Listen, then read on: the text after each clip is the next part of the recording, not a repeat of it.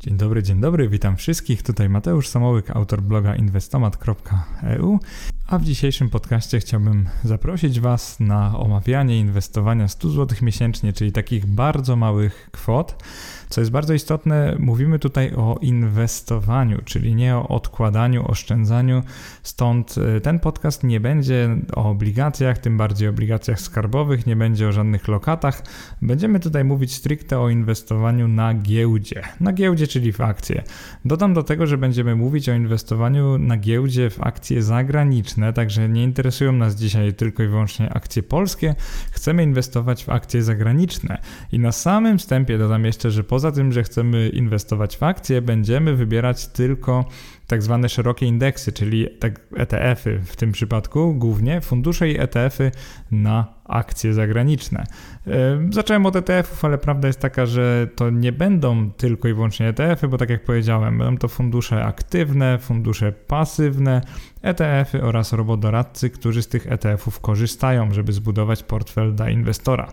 W tym przypadku ograniczymy się do oceny tylko i wyłącznie portfela 100% akcyjnego, czyli zakładamy tutaj, że ktoś dopiero zaczyna swoją przygodę z inwestowaniem, tak naprawdę zupełnie nie wie od czego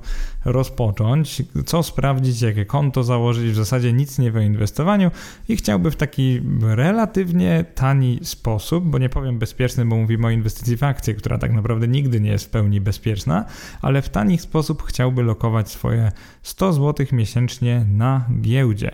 Także nie jest to prosta tematyka, ponieważ w Polsce inwestowanie 100 zł kojarzy nam się od razu z przepłacaniem prowizji na wejściu. I na samym początku chciałbym podkreślić, że w takim horyzoncie inwestycyjnym wynoszącym 20, 30 bądź 40 lat, te opłaty na wejściu są o dużo mniejszym problemem niż opłaty roczne. To wynika z matematyki, że nawet jeżeli będziemy wpłacać te 100 zł miesięcznie i nawet kilka złotych będziemy tracić na każdej wpłacie, no to pamiętaj, że ma to efekt przez 30 lat o wiele niższy, o wiele mniejszy niż te opłaty roczne, które rok do roku zjadają na przykład 1 lub 2% całej naszej kwoty inwestycji i to często niezależnie od wyników inwestycyjnych. Także udowodnię Ci zaraz, że powinniśmy się skupić w takim porównaniu właśnie na kosztach rocznych, a nie kosztach jednorazowych, natomiast porównamy i jedne i drugie. Zacznijmy od tego, wobec, według jakich kryteriów dokonamy tego porównania. Przede wszystkim zaczniemy od opłat, czyli opłaty usług i funduszy. Nazwałem to usług, ponieważ y, myślę, że robodoradca świadczy usługę. Oni nie mają żadnych własnych funduszy, po prostu poz pozwalają nam inwestować w fundusze o danej proporcji. W takim taki prosty sposób, że mają, no wiecie, ładniejszy interfejs i pozwalają za pewną opłatą inwestować w ETF-y bez zakładania konta maklerskiego i bez wiedzy o tym, co tam się dzieje pod spodem. Także tak mniej więcej działają robodoradcy, stąd nazwa usług funduszy, ponieważ czasami możemy kupować bezpośrednio fundusze aktywne oraz ETF-y. Także w porównaniu wezmą udział także fundusze aktywne i ETF-y. Drugim kryterium będą oczywiście wyniki inwestycyjne funduszy i usług. E, to jest dość prosta sprawa. Jeżeli dana usługa działa od kilku lat lub dany fundusz istnieje od kilku lat, to oczywiście sprawdzimy, jak wobec swojego benchmarku. Tutaj przypomnę, że benchmark tak nazywamy e, po prostu jakiś indeks, wobec którego porównujemy w długim terminie wyniki funduszu powiedziałem w długim terminie, ale prawda jest taka, że benchmarkujemy nawet w terminie rocznym. Po prostu sprawdzamy, na przykład, jeżeli e, fundusz inwestycyjny lub ETF na SP 500, czyli ten indeks 500 największych spółek notowanych w Ameryce, zmienił się, na przykład zmienił swoją wartość o 15%, to oczywiście chcielibyśmy, żeby benchmark też tyle wynosił, a raczej jak benchmark tyle się zmienił, to chcielibyśmy, żeby fundusz poszedł o dokładnie tyle samo do góry, czyli o 15% do góry. Oczywiście tutaj pamiętajmy o tych walutach, funduszy, dlatego żeby nie porównywać gruszek z jabłkami, musimy uważać, żeby na przykład fundusz dolarowy porównywać z indeksem dolarowym i to by było mniej więcej na tyle. Więc kryterium drugie będą to wyniki inwestycyjne funduszy. Kryterium trzecim będzie taka łatwość zainwestowania środków oraz dodatkowe jakieś atrybuty danej oferty. Mm, dla przykładu w kryterium trzecim ocenię, czy da się prowadzić IK i IGZE, także te preferencyjne podatkowo konta przez daną usługę lub e, konto maklerskie na przykład. Ocenię łatwość inwestycji inwestowania w sensie interfejsu, ocenię to, czy da się automatycznie inwestować, ponieważ dla mnie to jest naprawdę ogromnym plusem, jeżeli mogę co miesiąc po prostu przelewać po 100 zł na dany numer konta i nie martwić się o to, co tam się dzieje dalej. Także jeżeli inwestujemy przez 30 lat bardzo drobnymi kwotami, a dokładnie tak będzie w przypadku 100 zł miesięcznie, to oczywiście byśmy chcieli jak najmniej zachodu przy inwestowaniu, czyli samo to zalogowanie się na konto maklerskie i konieczność złożenia jakiegoś trudnego zlecenia, nie mówiąc o tym, że się martwimy, ile na przykład dany ETF kosztuje, może się po prostu mijać z celem. Dlatego w tym zestawieniu od razu na początku zaspoiluję, że wygra opcja, która nie jest najtańsza. Po prostu musiałem wziąć pod uwagę nie tylko opłatę, ale też tą prostotę inwestowania. Stąd jak sami zaraz zobaczycie, no, niestety nie wygra tu opcja najtańsza, ale opcja, która jest zarówno względnie tania, jak i względnie prosta, bo tak naprawdę o to chodzi w inwestowaniu 100 zł. Na samym początku zastrzegę też, że nie jest to podcast sponsorowany. Tak naprawdę na moim blogu jeszcze nie było żadnych podcastów sponsorowanych i kto wie, może nigdy nie będzie, więc y, porównanie jest możliwe obiektywne. Po prostu z mojej perspektywy, jako takiego średnio doświadczonego inwestora, porównałem, jak wyglądają oferty inwestowania 100 zł miesięcznie wobec benchmarku, który mam w głowie, czyli inwestowania takiego samodzielnego poprzez konto maklerskie. Pierwsze pytanie, które powinniśmy sobie zadać w tym podcaście, to jest to, czy warto inwestować 100 zł miesięcznie.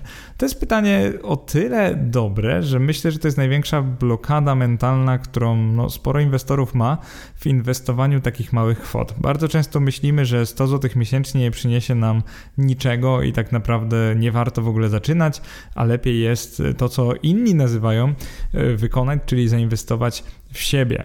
I dlaczego ja osobiście nie przepadam za sformułowaniem inwestować w siebie? Głównie dlatego, że bardzo często słyszę je u tak zwanych internetowych coachów czy szkoleniowców, czyli takich guru, którzy traktują powiedzenie czy tam frazę inwestować w siebie jako oręż w zdobywaniu kolejnych klientów.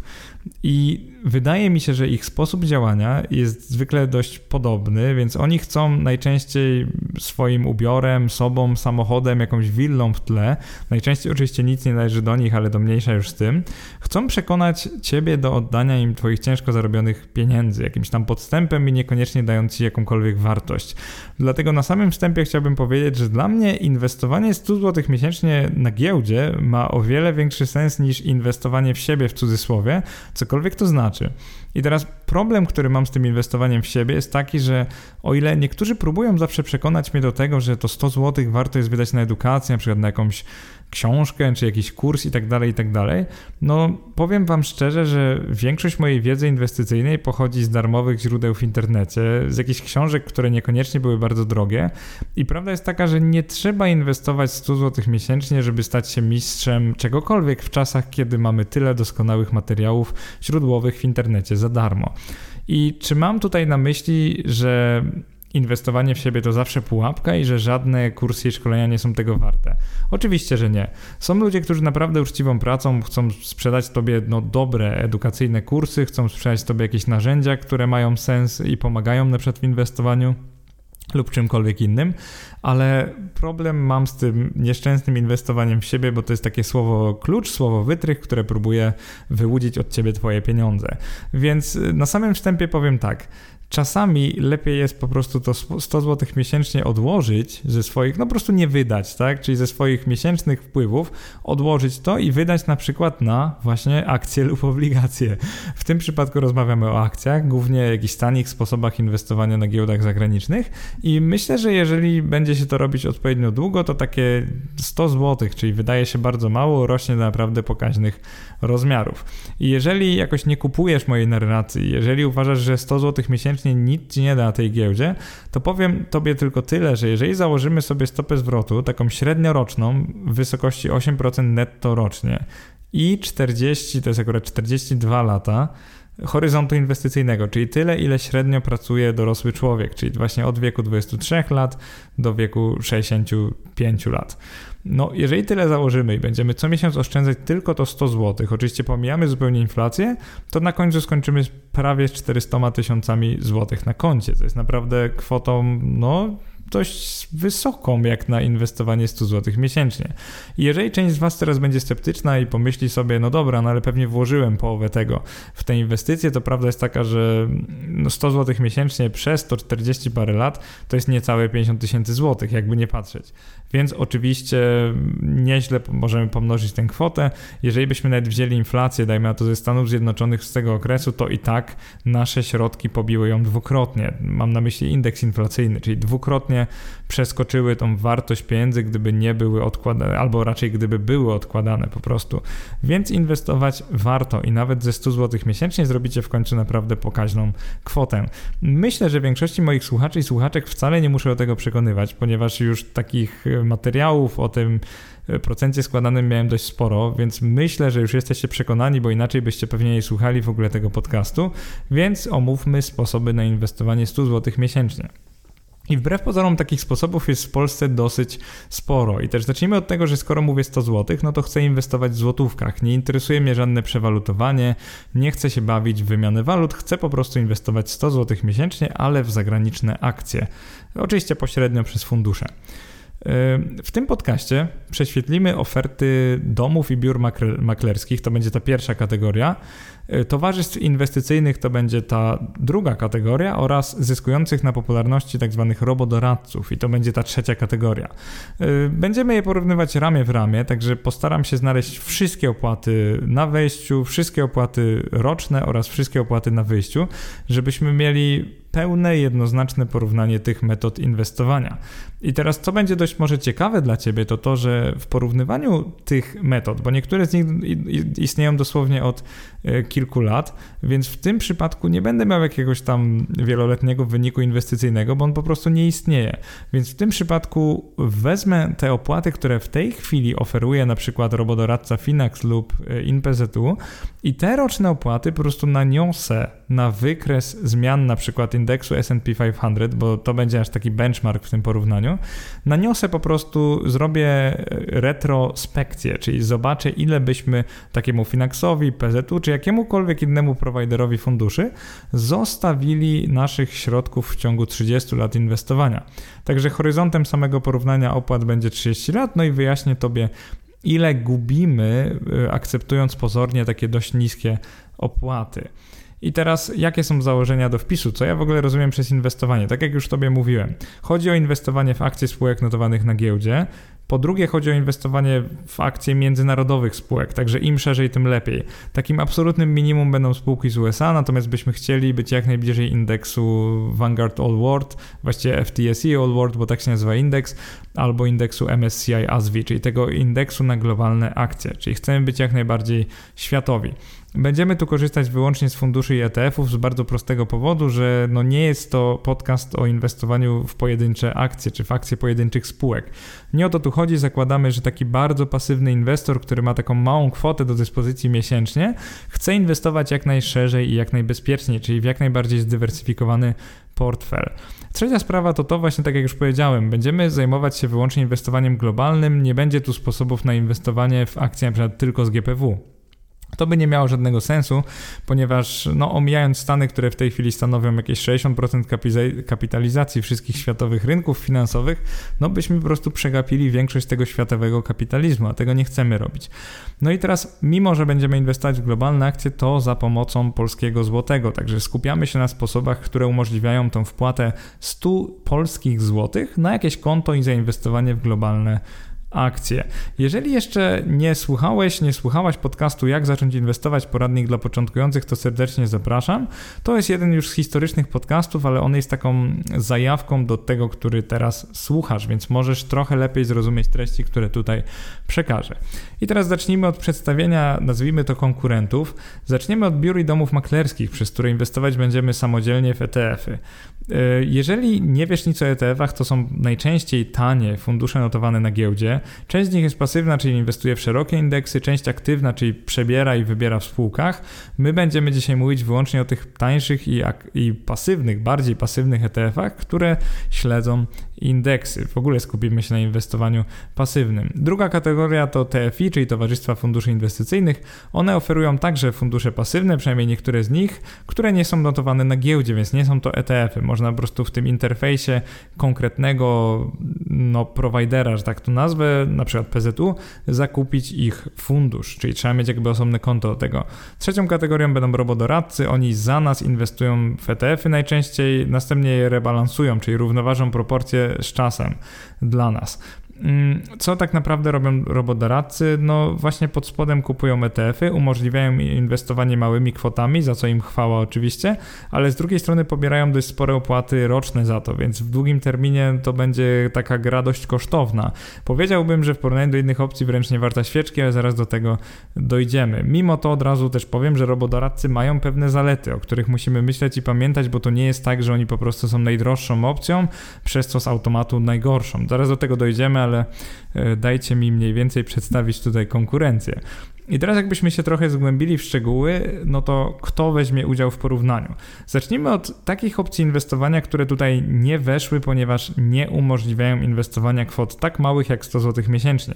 Na przykład dom maklerski XTB, biuro maklerskie XTB nie weszło tutaj, ponieważ inwestowanie w ETF-y zagraniczne jest tam możliwe dopiero od kwoty 500 zł miesięcznie lub oczywiście 100 dolarów, 100 euro, więc jakby no może nie równowartości 500 zł, przynajmniej jeszcze nie, tak mrugam do tych, którzy spodziewają się jeszcze wyższej inflacji i utraty wartości złotego. Ale chodzi o to, że po prostu 100 złotymi miesięcznie nie możemy inwestować przez XTB, więc jakby oni nie biorą udziału w tym dzisiejszym porównaniu. Nie weźmie też udziału w porównaniu robot y, Investo, tak się nazywa, 2575, on ma 75% akcji. To jest nowa usługa od ING. Niestety, żeby zacząć to inwestować, potrzebujesz 1000 zł, przynajmniej aktualnie, i później kolejne kwoty wpłat muszą wynosić 200 zł te miesięcznie. To jest jakby za dużo, żeby weszło tego wpisu, więc automatycznie eliminujemy robota Investo. I trzecią usługą, która nie weźmie udziału w tym porównaniu jest ETF Matic. To jest też robot doradca, taki europejski. Niestety pierwsza wpłata musi wynosić około 4000 zł. A jeżeli nie robimy tu wyjątków i no, chcemy porównać opcje, które tylko i wyłącznie oferują, znaczy oferują tylko i wyłącznie inwestowanie 100 zł jednorazowo, to oczywiście ETF Matic musimy od razu wyrzucić. I z tego powodu, kto został jeszcze w naszej konkurencji na samym początku? Zaczniemy od y, funduszy. Jest to InPZU, to są fundusze pasywne. Y, PKO Inwestomat, czyli nazywa się jak mój blog, ale nie mylcie tego z tym. Y, PKO Inwestomat to jest taka usługa, funduszy aktywnych, które po prostu są, jest taka nakładka jakby robota, który doradza, pod spodem są dość drogie fundusze aktywne. I to by było na tyle, jeżeli chodzi o fundusze, nie ETF-y. Y, drugą kategorią robodoradca tutaj został Finax, ponieważ Finax umożliwia inwestowanie 100 zł. Zarówno pierwszej, jak i kolejnej kwoty inwestycji 100 zł jest możliwe, także zostaje tu Finax. I trzecią kategorią będą właśnie domy i biura maklerskie, które oferują y, kupowanie ETF-ów z GPW. I dlaczego w tym przypadku ETF-ów z GPW? Ponieważ kwota prowizji na wejściu, tej, kwoty, tej, tej prowizji za zakup jest tutaj niższa niż w przypadku minimalnej minimalnej kwoty prowizji na rynkach zagranicznych. I teraz co mam na myśli? Mam na myśli chociażby to, że w domu maklerskim BPS zainwestowanie 100 zł będzie kosztowało 3 zł, tak? Tam jest 0,13%, ale minimalnie 3 zł, więc to będzie nas kosztowało 3 zł na wejściu. Więc to się wydaje 3% dość dużo, ale to nie jest tak dużo, jak sobie porównamy w długim terminie. Jeżeli chodzi o biuro maklerskie ING, to jest to bardzo podobne, ponieważ tam jest procentowo wyższa prowizja 0,3%, natomiast minimalnie to są 3 zł. Także analogicznie, inwestując 100 zł, płacimy ING 3 zł i mamy dostęp do tych kilku, bodajże 9 w tej chwili ETF-ów notowanych na GPW. Trochę drożej jest w mBanku i w Bossa, ponieważ tam zainwestowanie 100 zł by kosztowało 5 zł, ponieważ tyle wynosi minimalna prowizja dla instrumentów z GPW. Z tego powodu w tym porównaniu dalszym, jak zaraz zresztą usłyszysz, pozostanie tylko InPZU, Finax i to będą dwie usługi, które są po prostu tańsze od innych oraz y, biuro maklerskie ING i dom maklerski BPS, czyli te domy maklerskie, które, dla których prowizja minimalna w inwestowaniu na GPW wynosi 3 zł, bo jakby o to chodzi, żeby na wejściu też było jak najtaniej. I teraz na samym wstępie. Jeżeli chodzi o ocenę tych opcji, które zostały, no to InPZU pobiera opłatę za zarządzanie taką roczną 0,5%, ale zaraz Ci powiem, że pobiera jakby więcej całościowo, tak? Czyli to jest tylko i wyłącznie koszt zarządzania tą usługą, natomiast dochodzi koszt ETF-a, znaczy ETF-a w zasadzie w tym przypadku funduszu. Więc koryguje się, oczywiście InPZU nie ma nic wspólnego z ETF-ami, to jest fundusz pasywny, ale taki standardowy. Finax pobiera 1,2% za zarządzanie rocznie i tutaj nie wlicza się prowizja za ta opłata roczna za ETF-y, tak zwany Total Expense Ratio, czyli TER. Tego nie ma w tej opłacie, więc należy ją doliczyć, do tego też zaraz dojdziemy, ile to wynosi. Także 1-2% rocznie za zarządzanie dość dużo. E, PKO Inwestomat, który za korzystanie z funduszy aktywnych pobiera jakieś 1,12% rocznie, a przynajmniej tyle udało mi się znaleźć. W dokumentach on też wyleci z tego porównania, ponieważ InPZU jest zwyczajnie tańsze, więc jakby nie ma sensu pozostawiać dwóch usług, które mają bardzo podobną, że tak powiem, jakość, ale zupełnie różne e, koszty roczne, więc w tym przypadku InPZU po prostu wypycha PKO Inwestomat z porównania, ponieważ jest tańszy, żebyś rozumiał, co tu się dzieje. Jeżeli chodzi o domy i biura maklerskie, tak jak tutaj powiedziałem, będziemy inwestować w ETF-y, więc jakby tu nie ma opłaty rocznej za usługę, będzie tylko koszt roczny ETF-ów pod spodem, czyli tych z GPW, które będziemy kupować. Więc to było na tyle, jeżeli chodzi o no, podstawy dotyczące kosztów naszego inwestowania. I teraz wgłęb, wgłębmy się trochę mm, w to, ile tak naprawdę będzie kosztować nas zainwestowanie 100 zł przez te opcje, które wymieniłem. Zacznijmy od InPZU. Jeżeli zainwestujemy w InPZU 100 zł, tutaj podkreślam, że mówię akurat w tym przypadku o InPZU akcji rynków rozwiniętych, czyli to jest taki e, prawie globalny ETF, prawie globalny, bo to są tylko rynki rozwinięte, czyli odpowiednik jakby MSCI World. To jest fundusz e, pasywny prowadzony przez właśnie PZU, który na wejściu nie pobiera żadnej prowizji. Także zainwestowane 100 zł to jest faktycznie 100 zł. Jeżeli chodzi o opłatę roczną za usługę i ten jakby fundusz pod spodem, to będzie to 0,8% rocznie. Tyle udało mi się znaleźć w papierach tego konkretnego funduszu. Więc no powiedziałbym, nie jest super, nie jest tragicznie, jest tak przeciętnie bardzo. 0,8% rocznie to jest akceptowalnie jak na taki fundusz, ponieważ no przypominam, że polskie fundusze aktywne przez lata pobierały 3% i więcej za to samo, więc 0,8 to i tak jest jakiś tam progres. Jeżeli chodzi o Finaxa, i tutaj omawiam Finaxa 100-0, czyli 100% akcji, 0% obligacji, tak? Czyli rebalancing wewnętrzny jest tylko mm, w tych e, funduszach ETF pod spodem na konkretne rejony geograficzne. Natomiast inwestujemy wyłącznie w akcje. I teraz co się dzieje? Jeżeli zainwestujemy w Finaxie słowackim kwotę 100 zł, no to na wejściu jakby tracimy 1,2 zł, ponieważ 1-2% wynosi ta opłata na wejściu, a później co roku płacimy jeszcze 1-2% za zarządzanie i 0,16% za ten fundusz. Ja zaraz Tobie wyjaśnię, jak doszedłem do tej kwoty 0,16, ale na blogu Jacka Lemparta systemtrader.pl udało mi się po prostu znaleźć rozpiskę, co siedzi w tym funduszu i zrobiłem taką estymację kosztów ETF-ów pod spodem. Czyli wynikowo Finax od nas kasuje 1,36% rocznie. No i to jest dość sporo. Zaraz Wam wyjaśnię, że on ma pewne plusy wobec InPZ-u. To nie jest tak, że to jest usługa równoważna, ponieważ przykładowo Finax oferuje inwestowanie nieco szerzej niż InPZU, natomiast koszty roczne są obiektywnie wyższe w Finaxie niż w InPZU. Jeżeli chodzi o inwestowanie własnoręcznie, czyli samodzielne przez domy i biura maklerskie, jeżeli chcemy kupować samemu ETF-y z GPW, dlatego że są tańsze na wejściu, przypominam, no to kosztowałoby to nas, i tutaj robię taką estymację, czyli bierzemy dom maklerski BPS i biuro maklerskie ING, ponieważ te dwa domy, biura maklerskie mają najtańsze, no koszty na wejściu, najniższe, czyli po prostu za zakup danego funduszu zapłacimy najmniej. Tutaj zaczynamy od 3 zł, czyli po prostu na, za zakup płacimy 3 zł. I teraz też przypominam, że na wyjściu też byśmy zapłacili 3 zł, jeżeli byśmy 100 zł wypłacali oczywiście. Opłata roczna wynosi 0% dla konta, natomiast dla ETF-ów, jeżeli wzięlibyśmy ten Lixora, to jest taki typu distributing, Lixor S&P 500, to jest ten notowany w Polsce, on kosztuje 0,09% rocznie. Także koszty roczne ma bardzo niziutkie i to oczywiście no, mocno wpłynie na wynikową kwotę naszej inwestycji. To, to jest bardzo tani fundusz. Y, ma on kilka wad, zaraz Wam wyjaśnię. Oczywiście pierwszą z nich będzie to, że nie będzie się go dało kupować za 100 zł. Natomiast to bierze udział w porównaniu, żeby Wam uświadomić, mm, jak bardzo koszty roczne wpływają na Wasz wynik inwestycyjny w tej perspektywie 30 lub więcej lat. Ponieważ powiem szczerze, że niektórzy z Was, e, niektórzy z nas tak naprawdę, bo mi też czasem się zdarza, my przeceniamy tą e, kwotę prowizji transakcyjnej, czyli e, ja sam mam taki trochę bajaz, że no nie lubię jej przepłacać. Zauważcie, ilokrotnie już w moich podcastach mówiłem, że bardzo nie lubię na przykład kupować zagranicznych ETF-ów za mniej niż kilka tysięcy złotych, żeby nie musieć mBankowi płacić tych nieszczęsnych 19 złotych na przykład dla 2000 złotych transakcji, tak? I teraz, czy to jest słuszne, co mówiłem? No, w pewnym sensie słuszne, bo nikt nie chce płacić zbyt wysokich prowizji. Z drugiej strony, taka różnica między zakupem ETF-a, który jest bardzo tani, na przykład 0,09% rocznie, a inwestowaniem przez Finax, który kosztuje 1,36% rocznie, jest kolosalna. Chodzi o to, że jeżeli rozciągniecie to na 30 lat, no to naprawdę sporą kwotę zostawicie e, Finaxowi, której nie musielibyście zostawiać właśnie kupując taki prosty ETF. Także, no i teraz jeszcze Wam powiem, dlaczego odrzuciłem inne opcje inwestowania w tym podcaście, bo to jest bardzo ważne, bo myślę, że mogę mieć w komentarzach sporo pytań o to. Inwestowanie w ETF-y notowane na GPW jest obecnie w mBanku i Bossa zwyczajnie za drogie, ponieważ za zainwestowanie 100 zł płacimy 5 zł, a nie 3 zł. Stąd odrzuciłem mBank i Bossa, zupełnie z porównania.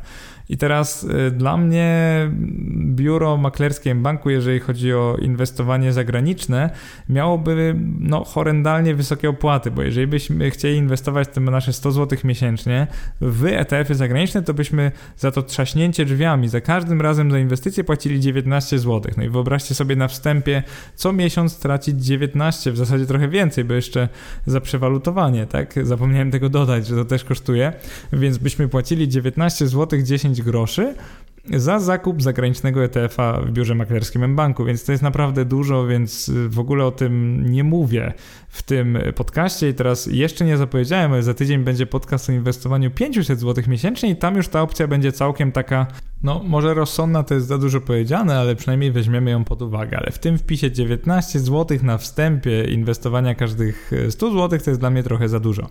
I teraz ostatnia opcja, która wyleciała, to jest PKO Inwestomat. Jeden powód jest taki, że PKO Inwestomat oferuje jedynie fundusz akcji amerykańskich, a ja bym chciał jak najbardziej globalnie i dodatkowo jest znacznie droższy niż InPZU. Także skoro PZU pozwala inwestować globalnie za 0,8% rocznie, a PKO Inwestomat obecnie e, bierze od nas 1,12% rocznie i jeszcze umożliwia inwestowanie tylko w akcje amerykańskie, no to zgadnijcie dlaczego wyrzuciłem z tego porównania PKO Inwestomat. E, więc po prostu jest za drogie jak na to, co oferuje, więc moim zdaniem nie powinniśmy brać go pod uwagę.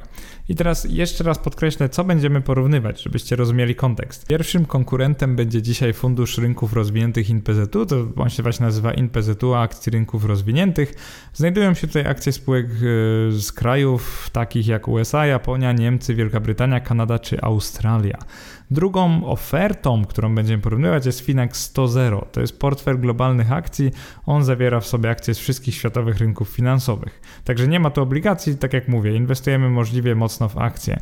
I teraz weźmiemy pod uwagę dwa ETF-y notowane na GPW, które będziemy kupować przez DMBPS lub biuro maklerskie ING, a konkretnie będzie to ten Lixor, o którym już mówiłem. To jest Lixor S&P 500 UCITS ETF. On kosztuje 0,09% rocznie, niestety jest typu distributing, co trochę utrudni inwestowanie w niego. No i niestety obecny koszt jednej jednostki tego ETF-a, takiego certyfikatu, to jest 171 zł, a więc inwestowanie będzie możliwe no, co najwyżej co dwa miesiące, a nie co miesiąc, więc to stanowczo utrudnia nasze porównanie, ponieważ sprawia, że w zasadzie ta opcja nie jest E, opcją, ponieważ no, co, musielibyśmy w jakimś takim trybie, że co drugi miesiąc, czasami w tym trzecim też inwestujemy. Drugim ETF-em będzie beta ETF S&P 500 PLN Hedged, czyli zabezpieczony do złotego ETF, to jest polski ETF na S&P 500. No tutaj niestety mamy opłatę roczną w wysokości 1,4%. Jest to fundusz typu accumulating, co trochę ułatwia sprawę, więc nie wypłaca on dywidend. No i ma zabezpieczenie do złotego, do, kur, do zmiany kursu złotego wobec dolara, więc to jest jakimś plusem. Natomiast na dłuższą metę 1,4% rocznie nie ułatwia sprawy. To, to naprawdę nie jest atrakcyjna opłata jak na długi termin i to też jakoś udowodnię w tym nagraniu. Przejdźmy do rzeczy. Zacznijmy od opłat usług i funduszy, które omawiamy. Przypominam, to będą cztery różne usługi, ale tak naprawdę no, w większości kategorii będziemy porównywać trzy, ponieważ opłaty dla e, BPS i ING są identyczne, w tej chwili przynajmniej, do te dotyczące inwestowania na GPW. Zacznijmy od tego, kiedy w ogóle płacimy opłaty inwestując. Jeżeli mamy 100 zł, to najpierw płacimy opłatę na wejściu. Jej czasami nie ma jak w przypadku InPZU, czasami jest jak w przypadku Finaxa i tych domów i biur maklerskich. Opłata na wejściu jest jednorazowa, po prostu pozbywamy się jakiejś części naszej gotówki i możemy zainwestować resztę, tak żeby trochę uprościć. Później będziemy co roku płacić tak zwane koszty roczne, w tym przypadku one będą odciągane codziennie z naszej inwestycji. Oczywiście w długim terminie nie jest to takie istotne, czy to będzie codziennie, czy co tydzień, czy co miesiąc. Ważne jest to, że będą odciągać procentowy część naszej inwestycji z niej niezależnie od wyników i to jest coś, na co trzeba naprawdę uważać. I później kończąc tą inwestycję, sprzedając nasze nie wiem, jednostki, czy zakończając tą usługę, będziemy płacić opłaty na wyjściu lub jej nie płacić w ogóle. Tak na przykład jest w przypadku Finaxa i InPZU, także tutaj wygrywają one z inwestowaniem bezpośrednio przez konta maklerskie. No i teraz intuicyjnie chcielibyśmy minimalizować obydwie opłaty, czyli dążyć do 0% opłaty za zakup i sprzedaż, aktywa lub usługi oraz 0% opłaty za roczne zarządzanie nią. Ale prawda jest taka, że jeżeli dzisiaj bym Ci zaproponował dwie opcje, i jedna z nich to by była 25% zapłać mi na wejściu, ale będę od Ciebie brał 0,2% rocznie tak? Czyli mamy wysoką opłatę na wejściu, bardzo niską opłatę roczną. A drugi wariant to by było, że na wejściu nie płacisz mi nic, ale rocznie płacisz mi 3% za, za zarządzanie. No i teraz pytanie, oczywiście w zależności od terminu, tak? Ale weźmy długi termin, 30 lat. No to którą opcję byś wybrał? Bo to się wydaje to się wydaje niezbyt mądre, żeby płacić 25 zł z każdych 100 zł na wejściu, tak? Tylko po to, żeby mieć tanią tą obsługę roczną. Ale prawda jest taka, że w ciągu 30 lat 3% za zarządzanie całej kwoty zrobi naszej inwestycji o wiele większą krzywdę niż 25% na wejściu. No i teraz o ile wyższą, no to zaraz pewnie niektórzy z Was się zdziwią, ale gdybyśmy założyli inwestowanie w SP 500 i załóżmy, że mamy hedge'a do złotego, także nie, nie mówimy w dolarze, tylko w złotówce, ale w taki sposób, że złotówka zachowuje się tak, jak kiedyś zachował się dolar.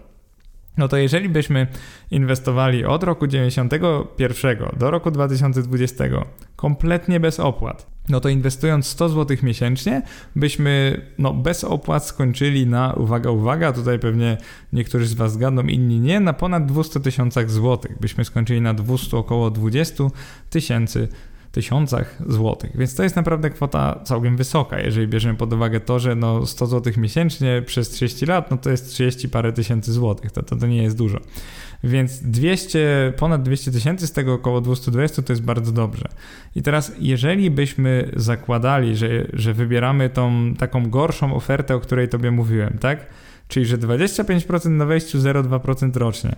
No to tu się może trochę zdziwisz, ale byśmy skończyli na 150 ponad tysiącach złotych.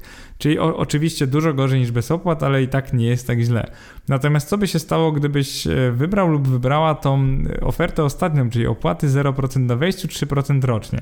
No to dla ciebie by się tak skończyło, że zamiast 150 albo nawet 220 e, tysięcy złotych osiągnęłabyś lub osiągnąłbyś około 130 tysięcy złotych. Także różnica jest kolosalna. I teraz, co może dziwić naprawdę wiele, wiele z Was, to to, że naprawdę opłata roczna w długim terminie kompletnie niszczy wynik inwestycji i to na nią powinniśmy uważać najbardziej. Czy to znaczy, że powinniście ignorować opłatę na wejściu? Absolutnie nie. Opłata na wejście jest bardzo istotna, ale pamiętajcie, że to roczny koszt, on się najczęściej nazywa kosztem zarządzania, będzie tutaj absolutnie fundamentalny. Także Pamiętajmy, chcemy redukować obydwie opłaty, ale to opłaty roczne będą tutaj najważniejsze.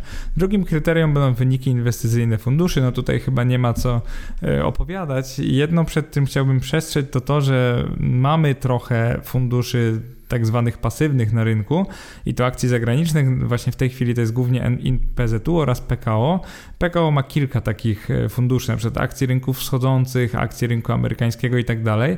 Jeżeli spojrzymy sobie na lata 2016 do 2020, e, źródło danych to są analizy.pl, tutaj też pozdrawiam serdecznie, e, no to nie wygląda te fundusze nie radzą sobie najlepiej, jeżeli chodzi o benchmark. Akurat InPZU radzi sobie zdecydowanie najlepiej, natomiast fundusze PKO często są na przykład 6, 4, 5% gorsze od benchmarku. Oczywiście zdarzały im się lepsze lata, natomiast samo to takie odchylenie od benchmarku jest po prostu niebezpieczne. Więc będziemy chcieli wybrać taką opcję, która możliwie pobija swój benchmark albo przynajmniej dokładnie go naśladuje. Nie chcemy opcji, które idą no, znacznie poniżej benchmarku, bo nie o to chodzi. E, jeżeli chodzi o kryterium trzecie, to będzie łatwość zainwestowania środków. Przede wszystkim, jak prosty jest pierwszy zakup, czy mogę ustawić automatyczne zlecenia, czy muszę sam rozliczyć podatki, e, też dodatkowe możliwości typu, czy mogę prowadzić takie IK i IGZE. Także uważam, że to są te kluczowe pytania, które powinna sobie zadać każda osoba, która chce zainwestować 100 zł e, w akcje zagraniczne, ale w tym ujęciu, w tym kontekście polskim. I zacznijmy od kosztów zainwestowania 100 zł. No i przez to rozumiem trzy składowe, z których tylko dwie mają prawdziwe, takie spore znaczenie. No i pozwól, że wyjaśnię Ci, jaką rolę pełni każdy z trzech możliwych kosztów związanych z inwestowaniem drobnych kwot przez omawiane dziś konta. No i tak jak mówiłem, koszt wejścia w inwestycje lub koszt zakupu aktywa to jest przede wszystkim w momencie zakupu, więc im dłuższy horyzont, tym mniej powinniśmy się nim martwić. Później mamy koszty roczne inwestowania, one się często nazywają zarządzania plus inne koszty. Ja spróbuję dojść do tego, jakie są łączne koszty każdej usługi. E, natomiast e, powiem tak, no jeden z moich ulubionych ETF-ów pobiera koszty roczne w wysokości 0,05%. 0,05% rocznie, czyli w długim terminie prawie nic. I właśnie o to chodzi, żeby te fundusze usługi pobierały jak najmniej. Jeżeli chodzi o koszt wyjścia z inwestycji, on będzie oczywiście istotny przy wyjściu, czyli po tych 30 latach, ale powiem w ten sposób, że jeżeli będziemy sprzedawać za 30 lat, no to już pamiętaj, że nie 100 zł, tylko tam 100 ileś tysięcy złotych, miejmy nadzieję, więc oczywiście prowizja ta będzie już odpowiednia do kwoty, czyli będzie proporcjonalna, więc nie powinniśmy się raczej martwić tymi prowizjami, y, no nie będziemy wypłacać 100 zł, czyli tymi minimalnymi, będziemy się martwić tą procentową, czyli tu nie ma już takiego dużego problemu. Zacznijmy od kosztów, czyli koszty in PZU i spróbuję to jak najkrócej, jak najprościej opisać. Przede wszystkim jak sprawdzimy sobie ofertę na stronie internetowej InPZU obecnej, no to jest napisane, że opłata za zarządzanie wynosi 0,5%. No i problem z tym jest taki, że to nie jest jedyna opłata, którą będziemy płacić rocznie i to mi się akurat nie podoba, że InPZU, no zgodnie z polskim prawem akurat to jest legalne, natomiast nie podoba mi się to, że pokazują tylko część kosztów na swojej stronie internetowej. No i teraz diabeł tkwi w szczegółach, więc jak wejdziemy w papiery tego funduszu, no to okaże się, że koszt funduszu InPZU rynków rozwiniętych to jest rocznie 0,8%, czyli tyle łącznie wynoszą opłaty pobierane z subfunduszu w ciągu roku. Także tyle płacimy de facto za InPZU rynków rozwiniętych. Yy, I teraz tak, czy to jest drogo, czy to jest tanio? No to jest oczywiście świetne pytanie. No i przypominam, że InPZU nie kosztuje nic na wejściu i na wyjściu, więc tu nie jest tak źle. Później mamy 0,8% rocznie, no to nie jest idealnie, tak? Ja preferuję tańsze ETF-y, no ale oczywiście NPZ-u będzie miało inne plusy, więc na razie go może nie przekreślajmy. I teraz w kontekście takim, że średni polski fundusz akcji zagranicznych, czyli ten fundusz aktywny, który inwestuje w akcje zagraniczne, pobierał jeszcze niedawno 3,5% brutto rocznie, teraz już prawnie to jest ograniczone do 2,5%, więc teraz jest to 2,5%, no to 0,8% rocznie to nie jest tak źle.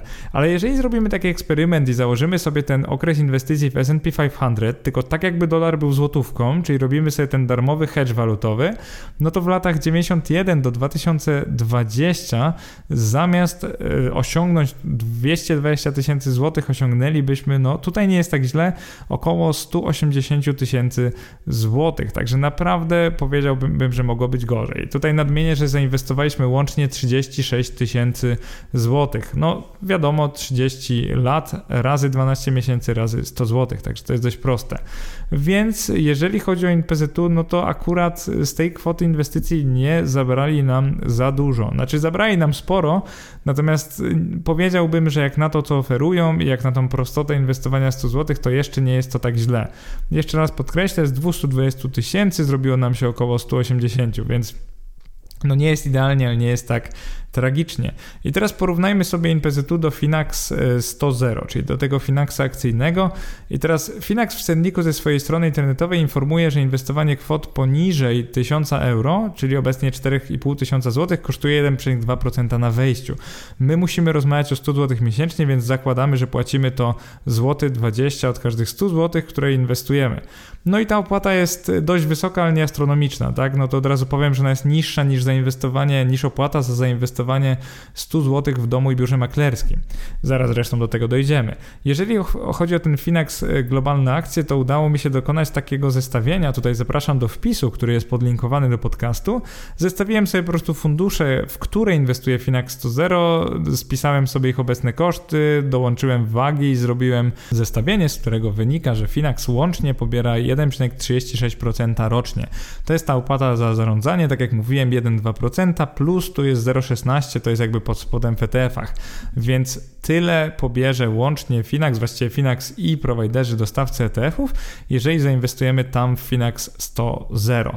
I teraz jak to wygląda? Z jednej strony mamy na wejściu 1,2%, z drugiej strony mamy 1,36% rocznie, także to się wydaje, że nie jest tak dużo, natomiast problemem jest to, że jeżeli byśmy właśnie w ten S&P 500 z takimi opłatami rzędu Finaxa zainwestowali, no to przez ostatnie 30 lat z 220 tysięcy złotych zrobiłoby nam się niewiele ponad 158 tysięcy złotych. No, czy to jest dobrze, czy to jest słabo? No to jest dobre pytanie. To jest trochę gorzej niż InPZU, natomiast możliwości tych funduszy są dość podobne. I zaraz dojdziemy do takiego rozdziału, w którym też powiem dodatkowe możliwości, opiszę Tobie, natomiast y, opłatowo no zdecydowanie wygrywa InPZU. Ale to, co chciałem powiedzieć, to to, że żadna z tych opcji tak naprawdę nie wygrywa, bo opłat, pod względem opłat wygra inwestowanie bezpośrednio w ETF-y. I teraz, ile kosztowałoby nas zainwestowanie 100 zł w ETF-y? Chcemy kupować ETF-y z GPW, więc płacimy tą prowizję za wejście, która wynosi 3 zł, no bo tyle zapłacimy właśnie w BPS i w ING. No i kupujemy ETF na polskiej giełdzie. I właśnie weźmy ten ETF na S&P 500. I tutaj ci z Was, którzy zauważyli, że chciałem porównać opcje globalne, a w tej chwili nie ma globalnych ETF-ów notowanych na GPW, no to wybaczcie mi, ponieważ porównuję tu usługę możliwie globalną, a S&P 500 nie jest globalne, natomiast chciałem Wam zrobić taki kontrast do usług InPZU i Finax, żebyście lepiej zrozumieli i zrozumiały, no, jaka jest różnica w długim terminie. No i teraz jak to wygląda? Z jednej strony inwestując w ten ETF Lexora, o którym mówiłem, S&P 500, z, każdego, z każdych 100 zł tracimy 3 zł na wstępie, także to jest o wiele więcej niż tracimy płacąc Finaxowi te 1,2 e, złotego, 1 zł 20 groszy. Natomiast problemem w tym przypadku jest to, że płacimy 3 zł. No i teraz Pytanie, czy problemem jest to 3 zł na wstępie, czy równoważy to, albo raczej kontruje to, że ten ETF jest no, szokująco wręcz tani, tak? On kosztuje 0,09% każdego roku. No i ten efekt możecie bardzo zdziwić, ponieważ gdybyśmy kupowali właśnie ten ETF, no to zamiast 220 tysięcy, po latach byśmy mieli 200 około 8 tysięcy złotych, także stracilibyśmy łącznie 12 tysięcy złotych. I to porównanie jest szokująco dobre wobec zarówno InPZU i Finaxa. I tak naprawdę teraz bym się na chwilę zatrzymał, bo jest dla mnie niezmiernie istotnym, że żebyś zrozumiał lub zrozumiała fakt, że te koszty roczne to jest wszystko w długoterminowym pasywnym inwestowaniu.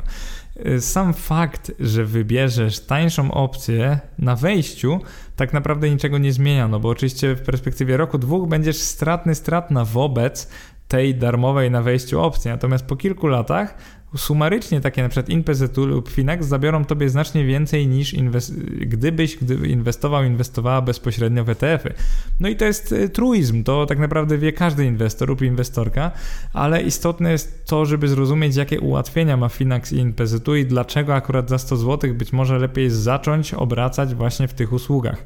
Ale do tego zaraz.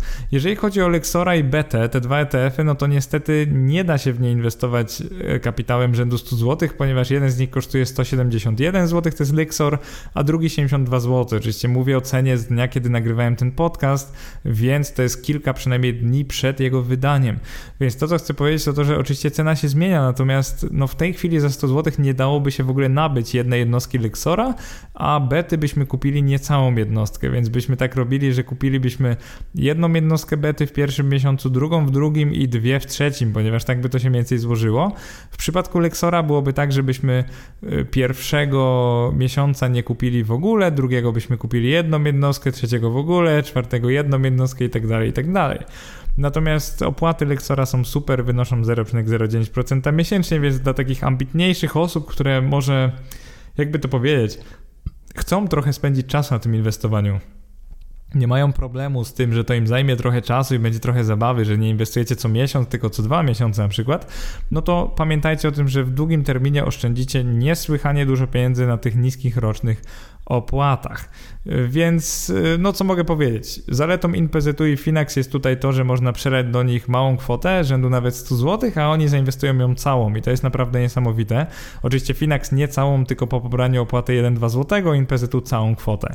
To jest naprawdę fajne, bo nie martwicie się ile kosztuje naprawdę ten ETF lub fundusz pod spodem. Finax po prostu doklei was, InPZU tak samo, do tych jakby posiadaczy tej usługi i pod spodem dokupi ETF-ów tak, żeby to mniej więcej było w portfelu. Minusem oczywiście jest to, że na GPW, tak jak mówiłem, nie ma ETF-ów na MSCI World, MSCI Emerging Markets albo na MSCI ADSV. No niestety na GPW mamy tylko ETF-y, które oferują inwestowanie w S&P 500, więc zasięgiem oczywiście przegrywają one z Inpezytu oraz z Finaxem. No i ETF-ów na GPW jest obecnie bardzo niewiele i te, które są tam notowane są bardzo drogie, więc jeżeli byście spytali mnie, Mateusz, a co z inwestowaniem w ten ETF hedżowany do złotego bety 1,4% rocznie, no to sami zobaczcie, że jego koszt jest większy niż na przykład usługi Finax łącznie, która oferuje inwestowanie globalne. No z drugiej strony Finax nie ma tego zabezpieczenia do kursu złotego, no ale pytanie, czy jeżeli macie długi termin, to naprawdę chcecie lub musicie zabezpieczać się do kursu złotego, czy nie lepiej wręcz mieć mieć tego indeksu, który jest w walucie obcej. Ja się akurat skłaniam do tego, zwłaszcza jeżeli to jest opcja tańsza. I teraz, y, jeżeli chodzi o inwestowanie y, w akcje, w tych czterech wariantach, no to między y, właśnie Finaxem, czyli tymi opłatami 1,2%, 1,36%, a gdybyśmy nie mieli opłat, mamy różnicę 54 tysięcy złotych dokładnie. Także no to jest dość oczywiste, że najdroższy tu jest Finax, później jest InPZU, najtańsze jest inwestowanie przez domy maklerskie, ale jest po prostu kłopotliwe, więc to tutaj trochę nie pomaga.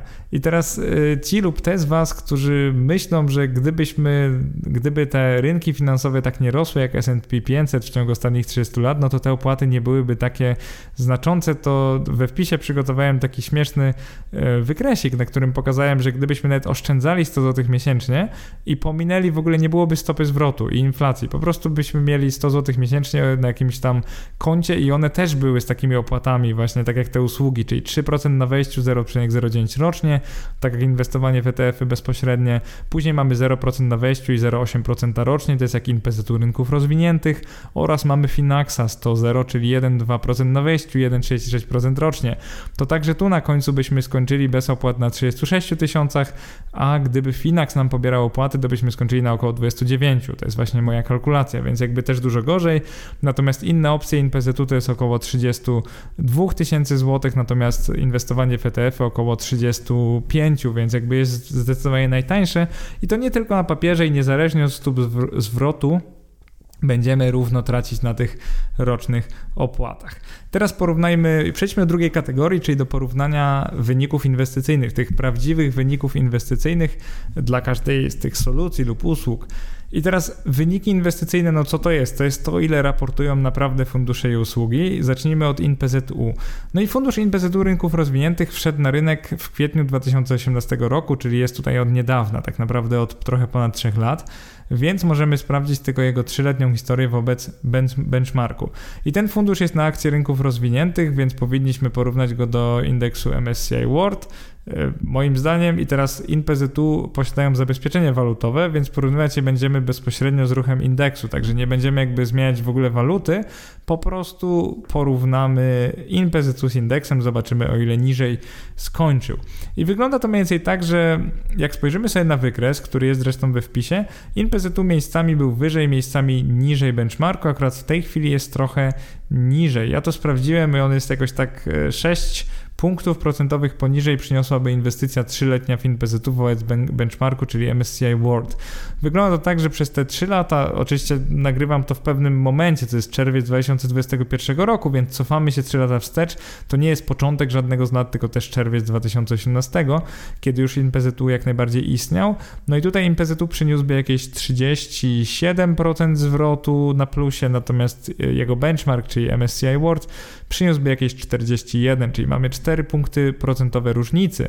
No i tutaj skąd wynika, z czego wynika ta różnica? Przede wszystkim InPZU powinien przynieść niższą stopę zwrotu, no bo przypominam, że on pobiera opłatę roczną w wysokości 0,8% i ona jest odciągana od jego, że tak powiem, wyniku, tak? Ona jest odciągana od tego, jak on sobie poradzi, więc oczywiście obniża trochę stopę zwrotu z inwestycji.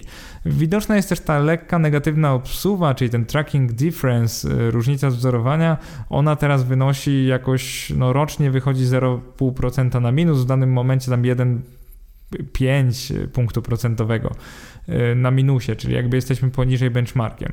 No i teraz biorąc pod uwagę fakt, że fundusz INPZ posiada zawsze 10% środków w gotówce, to jest to naprawdę dobry wynik, y, więc INPZ dostaje ode mnie plusa, ponieważ to jest trochę dziwaczne mieć 10% środków w gotówce i spodziewać się, że pozostałe 90%, które jest w tych akcjach z indeksu pobije cały indeks. Więc INPZ radzi sobie naprawdę dobrze, za co taki solidny plus za y, ten benchmark. Finax 100.0 teraz. E, pierwszą różnicą między InPZU a Finaxem jest to, że InPZU jest funduszem aktywnym, ale tym tradycyjnym tak naprawdę nazywa się pasywny, no ale wiadomo, on kupuje akcje, tylko stara się mieć proporcje tak jak indeksu, więc no w nazwie jest pasywny, natomiast ja nazywam go tradycyjnym, ponieważ te opłaty są bliższe tradycyjnym, nie jest ETF-em, bo nie jest notowany na giełdzie. Finax 100.0 jest po prostu nakładką na fundusze ETF, przez to nie ma żadnego benchmarku. I teraz znalezienie odpowiedniego benchmarku dla Finaxa w proporcjach 100.0 byłoby na tyle problematyczne, że on nie kopiuje ani indeksu ADSWI, ani MSCI World, ponieważ w portfelu posiada akcje amerykańskie, europejskie oraz spółek z rynków wschodzących, ale na przykład pomija gospodarki typu Japonia i Australia.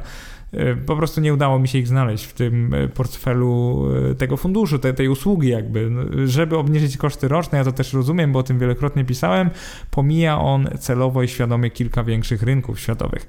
No i z tego powodu jedynym, co mogłem zrobić, jest porównanie wyników Finax 100.0 a z tymi indeksami typu Vanguard All World albo MSCI ASWI, czyli z takimi podobnymi indeksami. I teraz zastrzeżenie jest takie, że Finax y, istnieje tak naprawdę od kilku lat. W Polsce są od 2019 roku, także za bardzo nie ma co porównywać. Natomiast na swojej stronie internetowej Finax opublikował wyniki tych wariantów 100.0 za lata 2019 i 2020. I wygląda to tak, że Finax 100.0 osiągnął za 2019 rok stopę zwrotu 28,5%, podczas gdy skład ETF-owy Finaxa osiągnął jakieś 28,8%, czyli troszkę więcej. To zrobiłem akurat taki backtesting na backtest.curvo.eu. To jest taka strona do darmowego backtestingu. Tam mi wyszła, wyszła trochę lepsza stopa zwrotu, natomiast Vanguard All World i MSCI ADSV poradziły się trochę gorzej, czyli 27,2% odpowiednio i 26,6% przyniosły w roku 2020 2019, także Finax tutaj prawie że wygrywa. Jeżeli chodzi o rok 2020, to jest dość ciekawie, ponieważ Finax ogłosił, że stopa zwrotu z funduszu 100.0, z tej usługi 100.0 właściwie, to było 11,02% za ten rok 2020, czyli ubiegły. Skład ETF-owy Finax według backtest.curvo.eu powinien był e, przynieść 6%, czyli o wiele mniej, natomiast Vanguard All World e, przyniósł wtedy 16,6%, a MSCI ASV przyniósł 16,25%. Także no, jednak lepiej niż Finax, ale to może się brać z tego, że właśnie Finax pominął kilka rynków, które są w tamtych portfelach. No, czy to jest dobrze, czy to jest słabo? Powiedziałbym, że to jest dość dobry wynik, mimo wszystko, jak na te dość duże opłaty, więc tutaj jestem sam zdziwiony, że tak wyszło i zastanawiam się, jakim cudem, szczerze mówiąc. Natomiast co, co jest ciekawe, to e, fajne są symulacje wzrostu kapitału, które można wykonać w ramach demo na stronie Finaxa. No i gdy tam wklepałem kwotę inwestycji 100 zł miesięcznie i tą alokację dynamiczną 100-0, no to wyszło mi to, że po 30 latach będę miał wynik z inwestycji oczekiwany około 140 tysięcy złotych, czyli zauważcie, że bardzo podobnie do tych moich symulacji wcześniejszych. Natomiast w, w tym wariancie Finax zakłada stopę zwrotu około 8% brutto rocznie, tak żebyście wiedzieli czego się spodziewać. Także pomimo tych wysokich opłat, y, Finax sam robi symulację, że rocznie, średnio rocznie będzie to 8% y, brutto.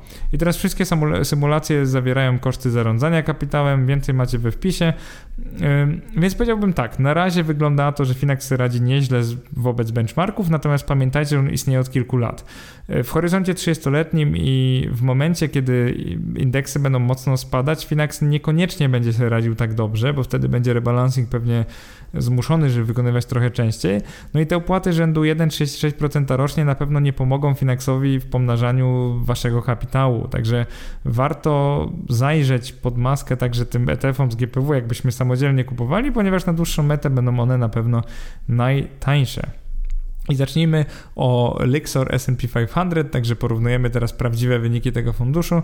On jest notowany w złotówce, ale jego aktywa są w dolarze amerykańskim, także wystawiamy się na ryzyko walutowe na linii USD-PLN. E, jego jednostka kosztuje ponad 170 zł, także nie da się jej kupić częściowo. Musimy poczekać do drugiego miesiąca, żeby ją kupić, także nie da się co miesiąc w nią inwestować. E, ostatnim problemem z tym ETF-em jest to, że, nie wypła- że wypłacą dywidendy, a to wymaga ich no, lekko kłopotliwego rozliczenia podatkowego w części G formularza PIT-38. Zwłaszcza jak inwestujemy takie drobne kwoty, no to te kwoty dywidend będą naprawdę marginalne, więc będziemy się z tym musieli trochę bawić, a później rozliczać podatek pod koniec, a w zasadzie na początku przyszłego roku. Więc to jest oczywiście duża wada. Natomiast jeżeli chodzi o jego plusy, no to oczywiście niskie opłaty oraz długi i solidny rekord historyczny, ponieważ on już istnieje od ponad 10 lat. I co jest bardzo ciekawe, w ciągu tych 10 lat on przyniósłby stopę zwrotu o 40 punktów procentowych wyższą, to jest plus 160% wobec plus 120%. Jeżeli weźmiemy ten fundusz już zmieniony na USD, czyli właśnie walutę e, indeksu S&P 500 wobec S&P 500, który przyniósłby stopę zwrotu 120%. Także jeżeli chodzi o ten fundusz Rixora, on jest syntetyczny, więc co roku radzi sobie dość dużo lepiej od zwykłego indeksu, co oczywiście potwierdza moja symulacja, dokona, której dokonałem na stoku.pl i ona jest we wpisie. I to jest naprawdę duży, no, duża zaleta tego funduszu. Jeżeli chodzi o ten fundusz bety, tak jak mówiłem, jest on lekko drogawy rocznie, 1,4%, więc oczywiście on istnieje dopiero od kilku miesięcy, bo on wszedł na rynek w marcu bieżącego roku, czyli 2021, no ale już widać, że ETF beta S&P 500 PLN Hedged, czyli właśnie z tym zabezpieczeniem do złotego. No, narysowałem na wykresie jego pierwsze trzy miesiące, skorygowałem o waluty, ponieważ on, on ma hedge'a do złotego, no i wyszło mi, że y, zwykły S&P przyniósłby nam około 8% zwrotu, a ten fundusz bety jakieś 7%. Także no, widzimy, że różnica jest ogromna, tak? I te koszty będą dalej ciągnąć go w dół, więc jakby nie patrzeć, no inwestowanie w ETF bety w długim terminie, jak dla mnie trochę, no nie ma po prostu sensu, on jest za drogi, tak mówiąc zupełnie wprost. No i ostatni y, rozdział, ostatnia część tego podcastu to jest prostota i możliwości inwestowania 100 zł miesięcznie. I tutaj jest bardzo dużo fajnych, ciekawych faktów, czyli zacznijmy od tego, że osoby, które słuchają moich podcastów na pewno zdążyły zauważyć, że jestem ogromnym zwolennikiem upraszczania i automatyzacji wszystkiego, co się da zautomatyzować. Także nie lubię ciągle musieć wchodzić na konto maklerskie. Tak naprawdę co miesiąc też nie lubię tego manualnego kupowania. Mi się marzy taka usługa, że mógłbym wpłacać pieniądze i nic nie robić, że one by się same już inwestowały. Także rozdział ten jest subiektywny, natomiast y, sami zaraz zobaczycie, że automatyzacja inwestycji jest możliwa no, dla InPZU i Finaxa, ale już niemożliwa dla domu maklerskiego BPS i biura maklerskiego ING. Jeżeli chodzi o prostotę interfejsu, no tu zdecydowanie wygrywa InPZU i Finax. One są bardzo proste. Ja sam przez chwilę używałem tych kont, mam na myśli, no jakby nie swoimi pieniędzmi, tylko sobie klikałem po interfejsie znajomych, tylko żeby zobaczyć, y, jak one działają, bo bez bicia mówię, że ja nie używam tych usług, bo inwestuję trochę wyższe środki miesięcznie. Natomiast prostota interfejsu jest naprawdę niezła, zarówno w InPZU, jak i w Finaxie. Prosto jest się tego nauczyć, to nie jest żaden problem.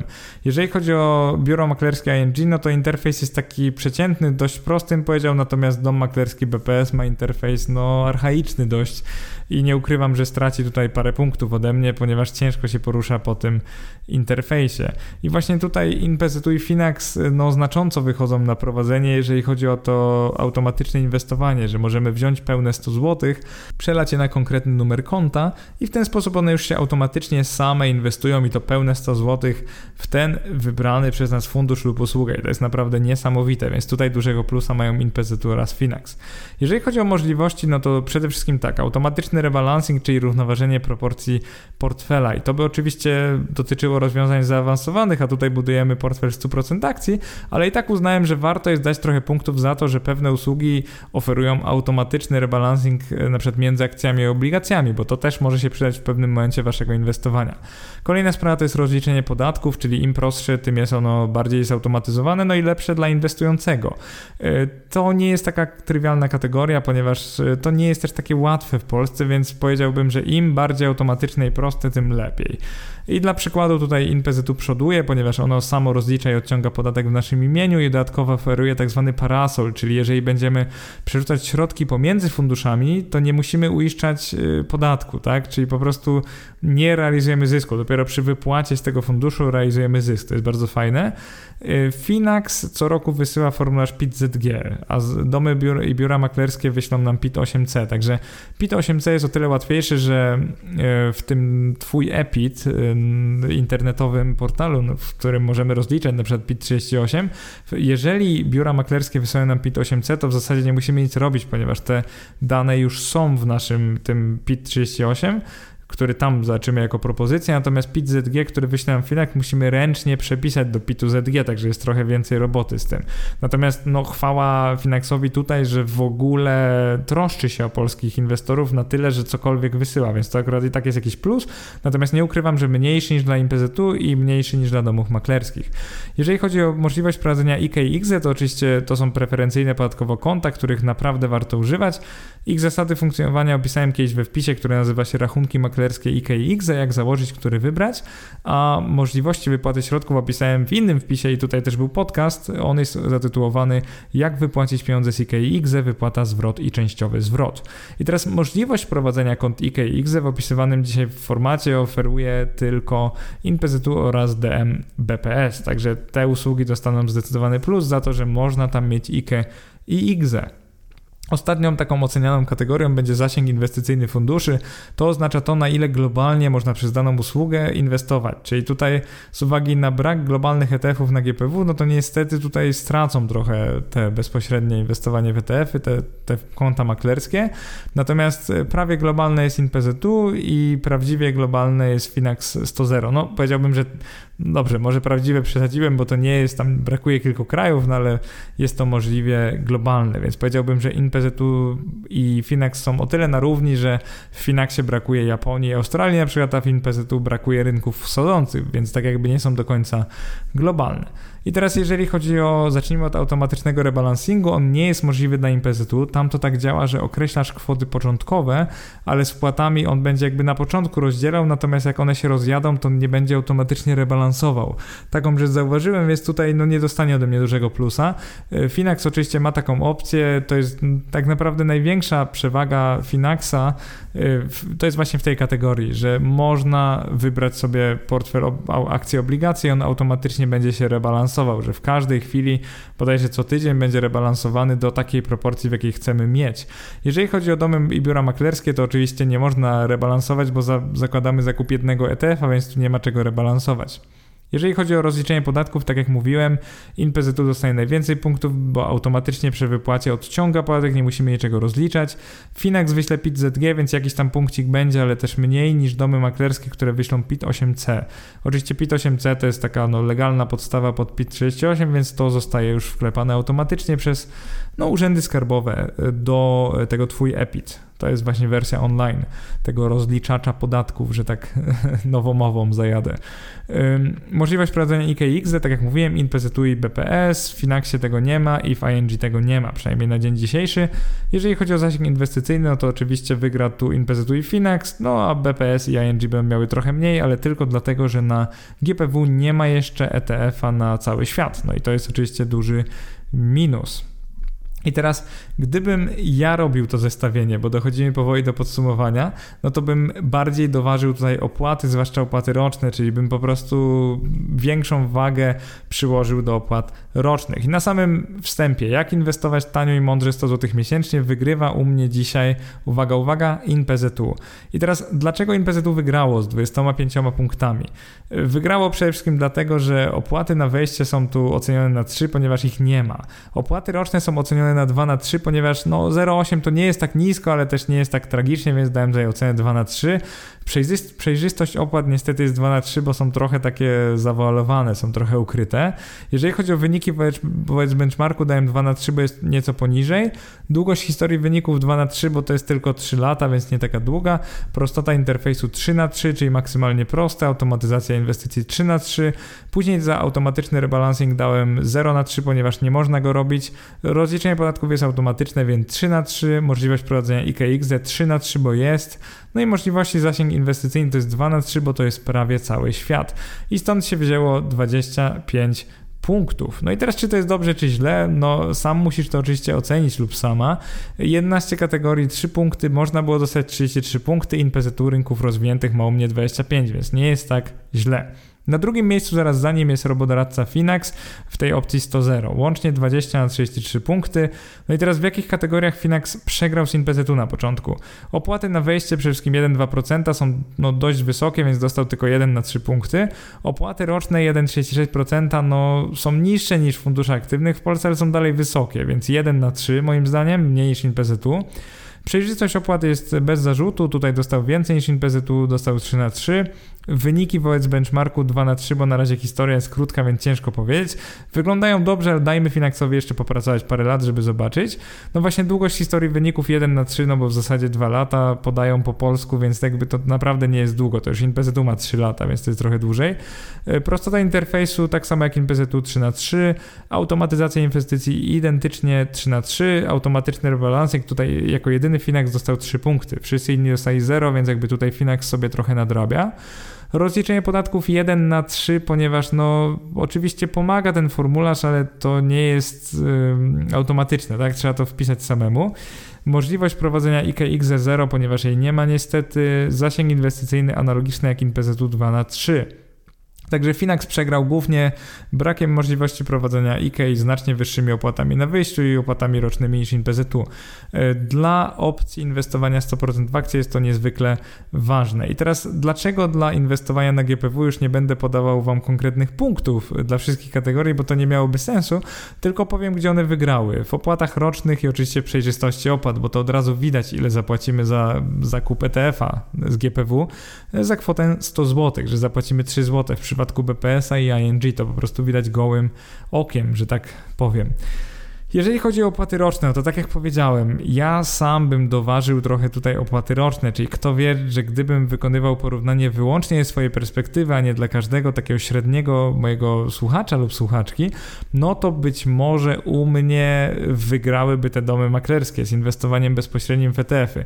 Ale tak trochę czułem, że to by nie było fair wobec robodoradcy Finax i wobec InPZU rynków rozwiniętych, z tego chociażby powodu, że zauważcie, że nie możemy zainwestować tam łatwo jednorazowo 100 zł i nie ma tej automatyzacji. Więc jeżeli ja sobie wyobrażę, że ktoś zarabia kilka tysięcy złotych i może zainwestować tylko 100 miesięcznie, no to nie wiem, czy ta osoba chce się bawić we wpłaty na konto maklerskie i akcje typu, że jednego miesiąca kupi za jeden, na przykład jedną jednostkę za 70 zł, a drugiego 0, trzeciego znowu i tak dalej, i tak dalej. To oczywiście miałem na myśli jedną jednostkę za 170 zł, nie 70, no bo nie możemy kupić w jednym miesiącu, jak e, inwestujemy 100, to 100 zł poczeka miesiąc, drugiego dopłacimy do 200 i dopiero wtedy możemy kupić jedną jednostkę, więc jakby to jest no sporo zabawy. I teraz pytanie, czy to jest warte tych niskich opłat rocznych? No być może jest, zależy jakie masz podejście do inwestowania. Prawda jest taka, że InPZU wygrało to zestawienie dzisiejsze, a Finax był na drugim miejscu właśnie dlatego, że ta prostota, no powiedziałbym tak kolokwialnie, kompletnie wymiata, tak? E, to, że możemy wpłacić tam 100 złotych i nic więcej nie robić, to jest oczywiście ogromna zaleta Finaxa i NPZ-u, no a brak takiej możliwości jest ogromną wadą inwestowania bezpośrednio w ETF-y. I co będzie ciekawe dla Ciebie, od razu zrobię mały spoiler, e, to to, że w tym podcaście, który już wydam za tydzień, o inwestowaniu 500 zł miesięcznie, już będę na to patrzył zupełnie inaczej, ponieważ z 500 zł miesięcznie w takim horyzoncie zrobi nam się kwota znacznie wyższa, a kilkuset tysięcy złotych nie chciałbym marnować na roczne opłaty w, długim horyzoncie, więc tu mi się trochę zmienia perspektywa, bo faktycznie przy inwestowaniu 100 zł ta prostota i wygoda może być ważniejsza niż to, czy zarobimy, dajmy na to 150 czy 170 tysięcy złotych w takim 30-letnim terminie. Oczywiście to jest znacząca różnica, więc ja jako inwestor chcę oszczędzić, natomiast ten e, automatyzm, to automatyzacja może być naprawdę warta świeczki. Teraz jeżeli dla Ciebie ten wynik, że InPZU wygrało z Finaxem jest kontrowersyjny, to wytłumaczę to bardzo prosto. Tak szybko jak Finax by obniżył opłatę za zarządzanie, na przykład dwu, trzykrotnie, i wychodziłby taniej niż InPZU, no to oczywiście on by wyszedł na prowadzenie. Jeżeli by umożliwił jeszcze prowadzenie IKE lub IKZE, no to w ogóle byłoby świetne. No ja wiem, że to jest instytucja słowacka, więc z tym może być oczywiście problem lub nie, zależy jak to tam ustawiam sobie prawnie. Natomiast e, w tej chwili InPZU jest zwyczajnie tańszy, więc jeżeli podobna usługa jest tańsza, to oczywiście ja jako osoba rzetelna zawsze muszę polecić usługę tańszą, więc jakby nie mógłbym tutaj powiedzieć, że InPZU jest na drugim miejscu, ponieważ jest tańsze, no i to mi naprawdę wystarczy, wiecie, ja jestem bardzo, w tym sensie jestem prostym człowiekiem, że naprawdę są dwa, jest, są konkretne kryteria i jeżeli tutaj wygrywa, to wygrywa i koniec. Teraz jak wobec tego powinie, powinieneś, powinnaś e, zrobić? Jeżeli cenisz sobie niskie opłaty roczne i inwestujesz w długoterminowym horyzoncie i nie boisz się wyzwań, no to wybierz konto maklerskie, na przykład w DMBPS, najlepiej przez IKX, zainwestuj co miesiąc bezpośrednio w ETF z GPW, może co dwa miesiące, bo co tyle będziesz mógł, mogła inwestować. Jeżeli zależy Ci na prowadzeniu portfela akcji i obligacji, prostym interfejsie i pełnej automatyzacji równoważenia składników, no to możesz wybrać e, Finax, tylko też tutaj zastrzegam, że najlepiej w krótszym horyzoncie typu 10 lat, ponieważ Finax e, no, w długim terminie zabierze nam za dużo w tych opłatach rocznych, więc nie polecałbym na bardzo długi termin. Jeżeli chciałbyś lub chciałabyś pogodzić obydwa światy i zależy Tobie na prostym i w miarę tanim inwestowaniu przez IKX, to skorzystaj z oferty InPZU. Załóż sobie właśnie takie IKE na przykład przez InPZU Inwestuj tam 100 zł miesięcznie za darmo w akcje rynków rozwiniętych. Oczywiście kosztuje to rocznie 0,8%, ale tak jak powiedziałem, nie uważam, że jest to jakaś ogromna opłata jak na to, co daje InPZU, zwłaszcza, że możemy tam mieć IKE lub IGZE. No i teraz żadna z tych opcji, które mówiłem, nie jest idealna niestety, ponieważ inwestowanie 100 zł miesięcznie w akcje nie jest takie proste, jak pewnie już zdążyłeś, zdążyłaś zauważyć w tym całym podcaście, więc na końcu mogę tylko zapowiedzieć e, kolejny podcast za tydzień o 500 zł miesięcznie i tam będą wygrywać wygrywać zupełnie inne opcje niż tutaj. Także intuicyjnie czuję, że inwestowanie kwot rzędu 500 zł miesięcznie będzie ciekawsze dla czytelniczek, czytelników mojego bloga oraz słuchaczy mojego podcastu, ponieważ większość z Was wysyła mnie właśnie wysyła mi pytania o 500 zł, a nie o 100 zł miesięcznie. Mam nadzieję, że ten podcast się podobał. Jeżeli tak, to nie zapomnij polubić mój profil na Facebooku, to jest inwestomat przez w.eu. Do następnego, dziękuję bardzo, cześć.